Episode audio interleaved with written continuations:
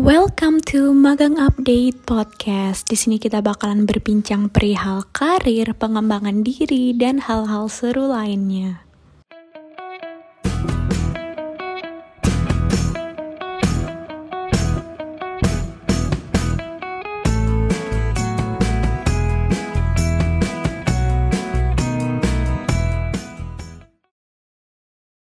Selamat pagi, siang, sore, ataupun malam, kapan pun Hunters dengerin podcast ini. Selamat datang di episode 3 Podcast Magang Update. Kenalin, aku Oki, anggota internship batch 7 dari Magang Update. Kalian yang udah dengerin episode 1 pasti kenal suara aku dong. Buat kalian yang belum dengerin episode 1 podcast Magang Update, jangan lupa untuk cek ya setelah dengerin episode ini. Episode kali ini aku mengundang teman aku yang sama-sama kuliah di IPB jurusan Sekolah Bisnis. Dia ini keren banget loh, soalnya ya udah aktif di organisasi, menang banyak lomba, jadi mahasiswa berprestasi, punya bisnis lagi. Wah, gila banget nggak tuh? Nggak usah lama-lama, kita kenalan aja nih sama Asman. Hai Asman. Halo Ki. Nah, kenalin dulu dong Man, siapa sih lu itu?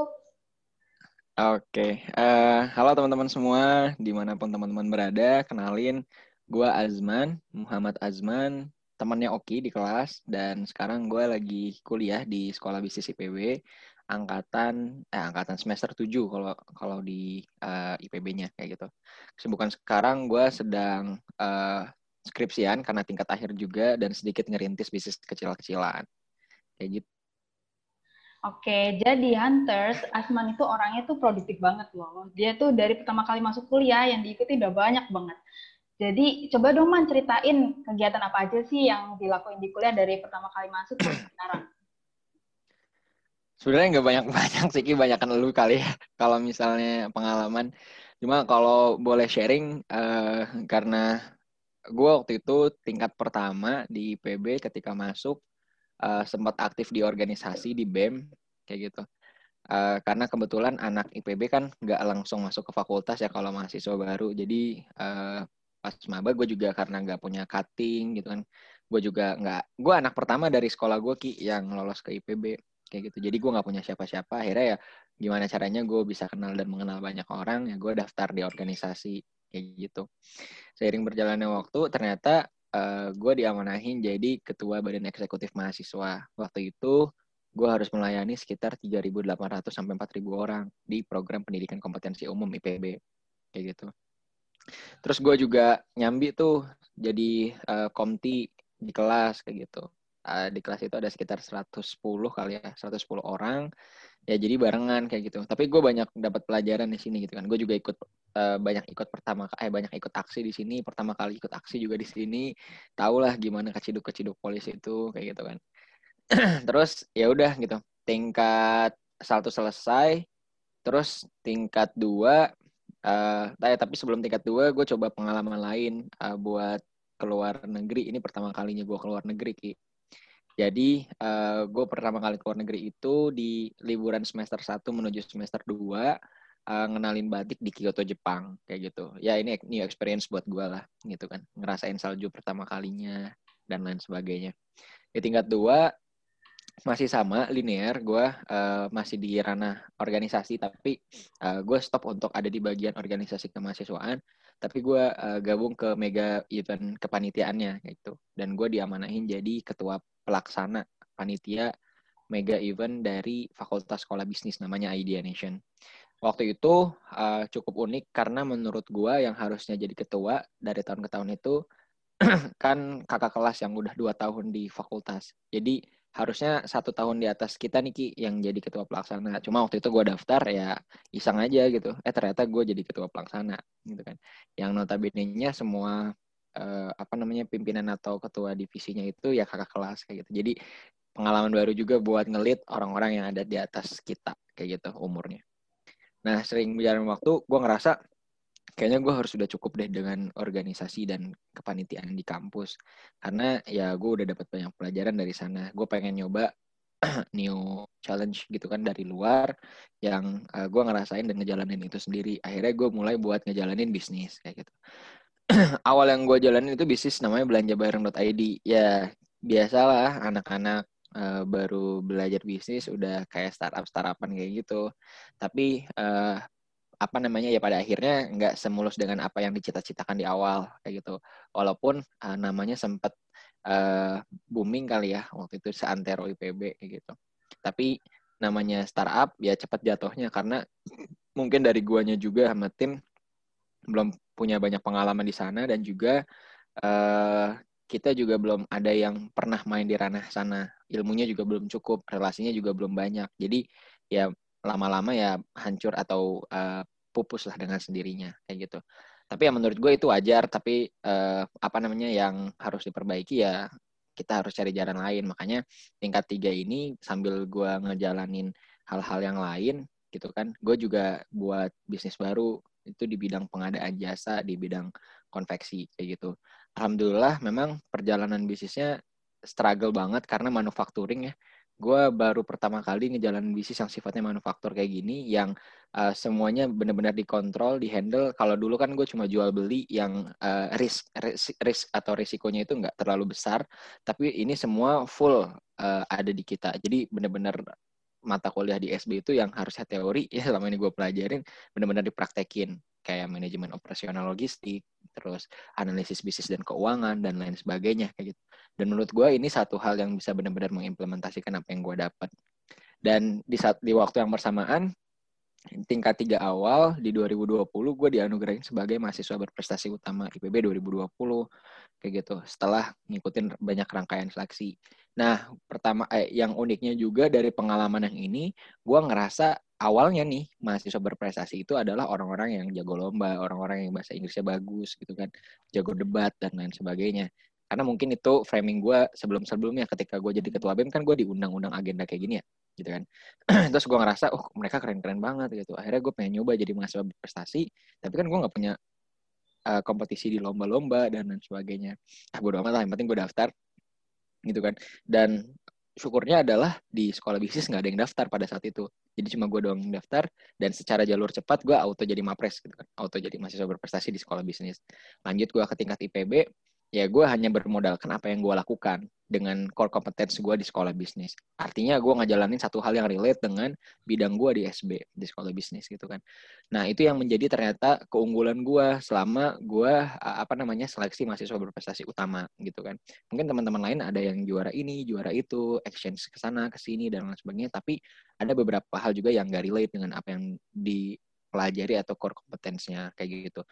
Akhirnya ya ketika gue dinobatkan uh, gue mulai berpikir gitu kan terus gue juga uh, merasakan bahwasanya mahasiswa berprestasi itu bukan orang yang dia jago lomba gitu, jago uh, bahasa Inggris, jago debat, yang gak kayak framing gue di awal, uh, yang gue dapetin ya dia yang kenal dengan dirinya dan uh, bisa berdampak buat lingkungannya walaupun kecil kayak gitu. Jadi gue mungkin udah mengenal diri gue dengan core competence gue dan gue implementasikan itu dan ada sedikit dampak yang bisa gue berikan gitu kan. Kalau misalnya yang lain-lain kayak bahasa Inggris, lomba itu kan bisa dikejar. Akhirnya ketika gue jadi mapres, gue baru ikut lomba, gue baru belajar bahasa Inggris dan lain sebagainya.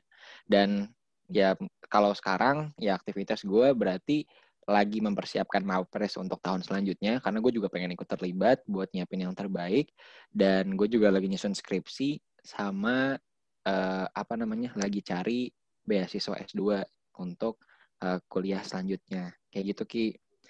Nggak Wah. gabut eh nggak nggak ini sih nggak sibuk banget itu mah gabut sih. Eh gabut mana sih? Itu banyak banget loh coba ya. Jadi ini ikut bem di tahun pertama ya kan terus keluar negeri buat ngenalin batik lagi di Kyoto Jepang. Terus habis itu jadi ketua pelaksana mega event ID Nation dari sekolah bisnis. Terus coba bisnis startup lagi kan yang belanja bareng namanya terus habis itu daftar jadi mahasiswa berprestasi jadi mahasiswa berprestasi, berprestasi juga tuh, nggak cuma daftar doang. Nah, ini ada kata-kata yang bagus dari Asman, yaitu mahasiswa berprestasi itu kenal sama dirinya. Gak cuma menang ikut lomba atau bisa bahasa Inggris doang, tapi juga bisa berdampak pada lingkungan juga. Wah, keren banget tuh. Tadi katanya, uh, lu itu baru ikutan lomba pas jadi uh, mahasiswa berprestasi. Nah, itu yeah. nah, kira-kira gimana pengalaman ikut lomba? Terus kayak kenapa sih pengen banget ikut lomba-lomba gitu? Uh, jadi kalau kan kalau di IPB kan notabene-nya anaknya anak-anaknya IPA ya, Kia. Uh, dari Fakultas Pertanian, uh, Fakultas Teknologi Pertanian, Kehutanan, Peternakan dan sebagainya. Pokoknya full jurusan IPA. Sedangkan gue bukan anak IPA uh, yang gue juga anti dengan laporan-laporan, kemudian uh, karya tulis karya tulis kayak gitu. Dan gue bener-bener gak bisa kayak gitu. Dan di SB juga nggak terlalu diajarin kan hal-hal kayak gitu, gitu kan. Uh, mungkin kalau di SB lebih ke arah uh, speech atau presentation yang kayak gitu. Uh, akhirnya ketika gue mulai ya gue cari tim yang pernah ikut lomba gitu kan. Uh, teman-teman adik-adik kelas bahkan adik-adik kelas yang sering ikut lomba gue ajakin gitu kan. Um, kita bagi tugas. Bagi tugasnya ya gue nggak ngurus tentang hal yang berbau tulisan dan keuangan ngurusin. Maksudnya keuangan tuh administrasi ya gitu kan. Tapi gue nanti yang take lead gimana cara lu pada presentasi gitu. Ya udah akhirnya singkat cerita lanjut lanjut lanjut lanjut sampai akhirnya presentasi kemudian ya gue jadi juara kayak gitu kan bias di satu di satu lomba. Nah ketika gue jadi juara gue ngerasa gue dapet insight lagi gimana caranya menangin lomba menangin lomba kayak gitu. Yang ini nggak diajarin kalau misalnya kita ikut sharing session dari kakak-kakak yang sering ikut lomba dan lain sebagainya. Kayak misalnya gimana caranya kita menang lomba ya cari lomba yang misalnya posternya jelek gitu kan. kan itu itu sebenarnya aneh sih. Cuma menurut gue untuk kita ngejar satu titel yang diburu-buru itu menarik gitu kan.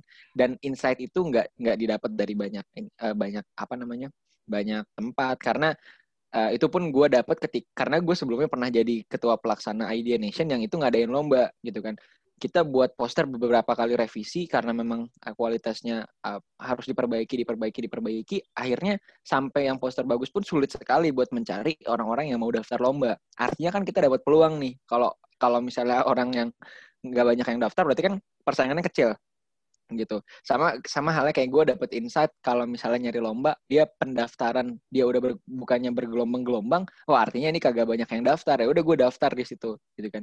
Nah insight-insight kayak gitu yang gue manfaatin ketika gue bener-bener ngejar titel lomba kayak gitu. Jadi sebenarnya uh, apa namanya gampang lah buat anak-anak mahasiswa buat coba-coba lomba, buat cari pengalaman. Nah dari lomba-lomba kayak gitu, gue mulai banyak belajar sampai gue naikin taraf tingkat lombanya, leveling lombanya maksudnya.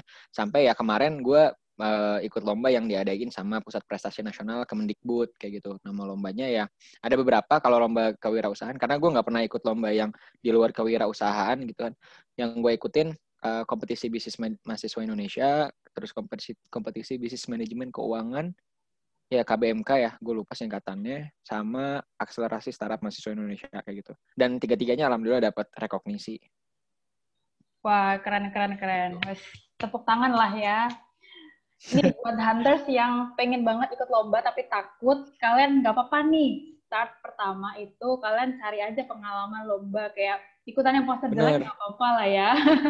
yang eh ini maksudnya bukan merendahkan posternya jelek atau event organizer lomba ya, tapi ada peluang di balik itu mungkin. Karena mungkin gue ngelihatnya karena gue pernah ngadain lomba, jadi wah ini jadi satu hal yang menjadi peluang buat gue ketika gue jadi peserta lomba kayak gitu ki. Iya iya betul betul. Jadi kalian bisa ikut apa aja lah lombanya, terus nanti kalian lama-lama bisa naikin tuh level lombanya sampai benar, benar.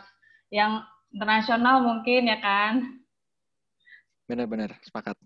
Terus Asman tadi kan cerita kalau misal uh, bisnis ya, itu bisnisnya masih lanjut atau enggak? Dan kira-kira kalau misal enggak lanjut tuh kenapa gitu?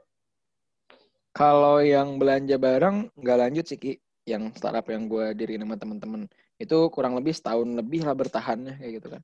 Walaupun kita dapat sempat dapat investment dan ada cash flow juga gitu di beberapa bulan. Tapi ya karena uh, balik lagi kan kita mahasiswa yang masih belum banyak pengalaman pengetahuan akses relasi dan koneksi sama ya mungkin masih terpa kepentok-kepentok sama jadwal ujian kuliah sama aktivitas mahasiswa lainnya jadi menurut gue uh, masih belum bisa karena sirkulasi bisnis startup kan kencang banget ya dinamikanya ya. Dan kita masih keteteran buat ngejar itu kayak gitu. Jadi uh, selama perjalanannya menurut gue teamworknya bagus kita jadi keluarga juga tapi di akhir ya kita sepakat ya udah uh, kita vakum dulu. Nggak dibubarin sih sebenarnya karena kita juga udah ada holding company gitu kan. Nggak holding company sih kita udah ada company-nya legalitasnya entitasnya. Uh, tapi karena memang masih belum berjalan ya kita keep dulu lah kemudian kita juga coba jalanin bisnis masing-masing dulu. Uh, once nanti kalau misalnya ada uh, apa namanya kesempatan buat kita balik lagi ngejalanin entah dalam bentuk apa lagi modelnya ya kita udah ready. Karena salah satunya juga nih mahasiswa kan masuk ke dalam quarter life crisis ya. Biasanya anak tingkat tiga tingkat empat lah kayak gitu kan. Dan udah mulai uh, kalau nggak kerasa benefitnya bagi dia dia bakal nyari tempat yang lain kayak gitu kan. Dan itu yang sempat kita rasain juga kayak gitu. Dan menurut gue ini wajar dan jadi pelajaran ketika gue ngediriin bisnis lainnya ya hal-hal kayak gini harus dimitigasi dari awal. Sama halnya ketika gue ngejalanin bisnis manufaktur konveksi sekarang wah itu bener-bener banyak banget dan kerasa banget kayak gitu. At least dapat pelajaran lah jadi kalau untuk bisnis belanja barang ya untuk saat ini vakum kayak gitu. Tapi yang untuk bisnis konveksi ya alhamdulillah berkembang kayak gitu kondisi pandemi gitu. Gua nggak tahu kenapa ya. Uh, harusnya sih harusnya sih tidak berkembang karena segmen, segmentasi awal kita ketika gua diriin itu Februari 2020 anak-anak mahasiswa dan pertengahan Maret 2020 setelah kita dapat investment itu mahasiswa semua diliburin dan IPB termasuk kampus pertama yang ngadain partially lockdown. Jadi wah gitu benar-benar panik banget gila ini gimana caranya uh, segmentasi semuanya udah disiapin uh, rencana itu udah clear dan details tapi ada faktor eksternal yang sebenarnya nggak kita prediksi di awal.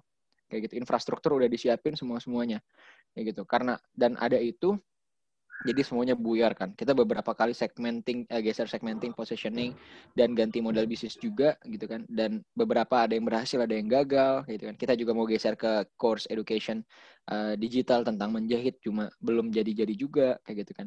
Yang gitulah ceritanya. Cuma ya akhirnya kita juga dapat pola yang tepat nih. Bahwasanya ya ada beberapa uh, insight yang bisa digarap dan ternyata berkembang alhamdulillah di Januari Februari itu kita cuma ada dua tiga mesin ya ya tiga mesin dan eh dua mesin dan tiga pegawai. Ya sekarang alhamdulillah jadi 18 sampai 19 mesin gue lupa. Dan 17 atau sampai 18 pegawai gitu. Dan ya bertambah sih setiap bulan alhamdulillah pegawainya kayak gitu. Gue juga nggak tahu kenapa tapi ya alhamdulillah lah kayak gitu. Semoga bisa masih bertahan walaupun kita juga benar-benar khawatir dengan kondisi resesi yang sampai minus tiga persen kayak gitu Wah, amin, amin, amin. Ayo kita doakan Hunters bareng-bareng nih ya, supaya bisnis tambah gede.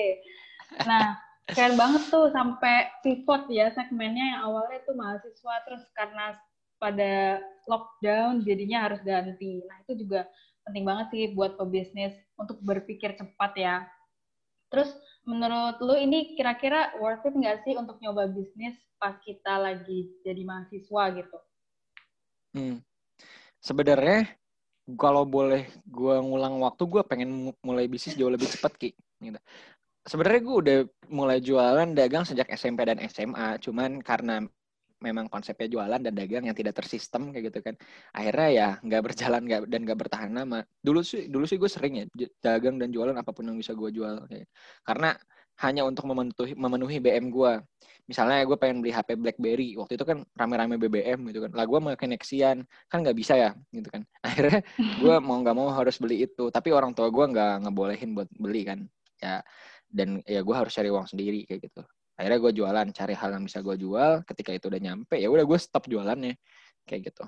Ah, ya nggak nggak dilanjutin juga karena udah kecapai lah targetnya gitu kan. Atau uh, kondisi lainnya ya uh, ketika gue jualan gue lagi sakit atau gue lagi ngadain hal yang lain dan sebagainya lagi sibuk dan jualannya nggak kepegang jadi ya keteteran juga. Artinya nggak ada satu sistem yang bisa membuat uh, jualan atau dagang itu bisa berjalan tan walaupun tanpa ada gue kayak gitu. Nah itu yang waktu itu gue lakuin. Nah cuman uh, ketika gue masuk SP ya gue jadi paham bahwasanya bisnis itu satu hal yang tersistem kayak misalnya nih gue sebenarnya ketika gue ngisi di sini mungkin aktivitas di uh, konveksi gue masih banyak, masih berjalan kayak gitu kan. Dan ya gue masih, eh, alhamdulillah udah dapet yang namanya sistem itu kayak gimana, tapi walaupun masih masih benar-benar harus diperbaiki terus menerus kayak gitu. Nah terkait dengan uh, worth it nggak sih mulai bisnis sejak mahasiswa? Menurut gue sangat worth it kayak gitu karena gue percaya setiap orang punya jatah gagal ya gak sih? Uh, misalnya uh, ketika gue ngejalanin bisnis konveksi, lu baru berhasil tiga tahun kemudian, misalnya gitu kan, ultimatum atau pengalaman orang-orang yang udah mulai dari kapan tahu bisnis ini kayak gitu kan. Artinya kalau gue mulai bisnis ini nanti semakin lama juga gue berhasil. Nah gue milih ya udah kenapa nggak lebih cepat? Artinya gue lebih cepat ngerasain experience gagal dan gue lebih cepat ngerasain nanti mungkin berhasilnya kayak gitu. Jadi uh, kalau banyak orang yang bilang uh, kayaknya kita mulai bisnis itu habis kuliah aja deh gitu kan supaya nggak keganggu. Loh justru gue uh, bisnis ini tidak menghambat kuliah gue sama sekali apalagi ada kebijakan merdeka belajar dan kampus merdeka Uh, gue ngerasa dengan bisnis ini justru gue sangat dimudahkan semua proses kegiatan belajar mengajar ya. Contoh, uh, gue sekarang lagi proses konversi uh, skripsi jadi tugas akhir. Jadi ibaratnya gue nggak ada skripsi gitu loh, Ki. Gitu kan. Walaupun sebenarnya kurikulum ini baru diterapkan di tiga tahun setelah kita angkatan 57. Kalau kita kan angkatan 54 gitu kan di 2020 ini anak-anak barunya. Tapi gue udah masuk ke dalam hawa-hawanya. Jadi mungkin gue pertama di IPB yang ngerasain konversi ini kayak gitu. Kayak gitu. Karena apa? Karena aktivitas gue dan dan itu sudah dibuktikan dengan kejuaraan-kejuaraan. Jadi ada ada pihak ketiga yang menilai bahwasanya oh approve kayak gitu. Kayak gitu. Dan jadi nggak nggak yang seharusnya dikotak-kotakin, tapi mungkin skala prioritasnya harus di harus di uh, benar-benar dipisahin tuh karena banyak banget dan gue termasuk orang yang ketika udah mulai bisnis dan ngerasain uang pendidikan gue keteteran dan gue ngerasa itu tidak penting nantinya kayak gitu kan banyak ya kayak gitu gue ngejalanin bisnis terus udah ngerasain oh ini uangnya kayak gitu kan lumayan akhirnya ya kuliah mager ngerjain tugas mager kayak gitu nah itu yang harus menurut gue diwaspadain hati-hati lah kayak gitu Wah, ternyata udah passion ya dari SMP, makanya masuk sekolah bisnis. Nggak ragu yeah. lagi udahan ya. Nah, menurut Asman, tips produktif saat kuliah itu apa sih? Mungkin bisa di-share. Jadi biar Hunters ini bisa produktif kalau masa-masa kuliah, nggak mikirin kayak, oh kalau misal kuliah nggak bisa nyoba bisnis nih, nggak bisa nyoba magang, nggak bisa nyoba ini, itu bla bla bla gitu, harus fokus. Gimana tuh tips produktifnya? Tips, tips produktif dari gua yang pertama banget adalah kenalin diri kalian masing-masing. Bukan kalian sih kita, karena gue juga mungkin belum terlalu kenal kali dengan diri gue. Uh, karena menurut gue kalau kita udah kenal dengan diri kita masing-masing, uh, no matters apa yang kata orang bilang dan nggak peduli juga dengan pencapaian orang lain. Yang penting adalah ya kita ngukur dengan tolak ukur diri kita sendiri supaya nggak ada kata insecure, supaya ada kata percaya diri atau pede. Itu tuh semua dari ya kita kenal diri diri kita kayak gitu yang pertama. Yang kedua, buat teman-teman yang mau coba banyak hal, nggak termasuk dengan bisnis, bisa juga magang, organisasi, dan lain sebagainya, uh, buat skala prioritasnya kayak gitu. Jadi uh, skala prioritas itu yang menentukan kapan kita harus ngerjain tugas kita, kapan kita harus kuliah, kapan kita harus ngurusin bisnis, kapan kita harus organisasi dan lain sebagainya. Dan ya itu yang uh, di awal gagal gue mitigasi dan gagal gue persiapkan. Nah ini pelajaran nih misalnya ada bentrok antara waktu kuliah dan waktu rapat, ya mana yang harus diprioritaskan itu kan teman-teman yang tahu. Makanya skala prioritas itu sangat penting kayak gitu.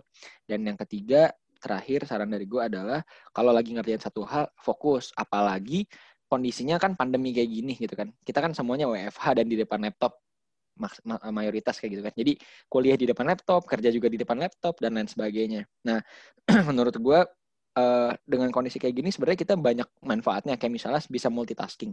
Gue sambil ngisi podcast dan sharing ini uh, mungkin bisa sambil kuliah juga atau mungkin bisa sambil webinar atau rapat yang lain juga kayak gitu kan. Tapi ya balik lagi itu kan kalau kita kenal diri kita kapasitas lu sebesar apa buat bisa ngikutin itu semua? Gue nggak sebagus itu nggak sekuat itu buat uh, ngedengerin dua dua device sekaligus kayak gitu. Artinya walaupun kita bisa multitasking ya tetap harus uh, fokus kayak gitu. Kalau kuliah ya kuliah dulu fokus kalau bisnis ya bisnis, nggak usah ngurusin kuliah dan lain sebagainya. Jadi tiga hal itu yang menurut gue benar-benar bisa jadi landasan kita mulainya apa ke depan nggak cuma bisnis doang, nggak cuma kuliah doang, tapi bisa fokus ngerjain banyak hal dan pencapaiannya insya Allah bagus dan baik kayak gitu Ki. Wah, bagus. Makasih banget nih. Aku ulang lagi ya. Jadi ini tuh ada yang pertama kita harus kenal dengan diri kita sendiri. Jangan dibandingkan dengan orang lain. Ini nih biasanya kalau hunters pada insecure nih gimana sih? Kalian tuh harus kenal sama diri kalian sendiri, jangan dibandingin dengan orang lain. Kayak si Asman ini. Terus yang kedua, kalian tuh kalau misal mau coba banyak hal, it's okay, tapi kalian harus bikin skala prioritas. Jadi harus tahu mana yang harus diduluin. Terus yang ketiga itu harus fokus, jangan multitasking. Mungkin kalau misal kalian tuh ada yang hobinya multitasking, tapi jadinya kayak setengah-setengah, mending kalian ngikutin kapasitas kalian sendiri. Kalau kuliah-kuliah, kalau misal waktunya kerja kerja, waktunya magang magang gitu ya. Oke, makasih banget insight-nya, Man. Jadi semangat nggak sih Hunters untuk menjadi lebih produktif lagi? Asik. Nah, ya.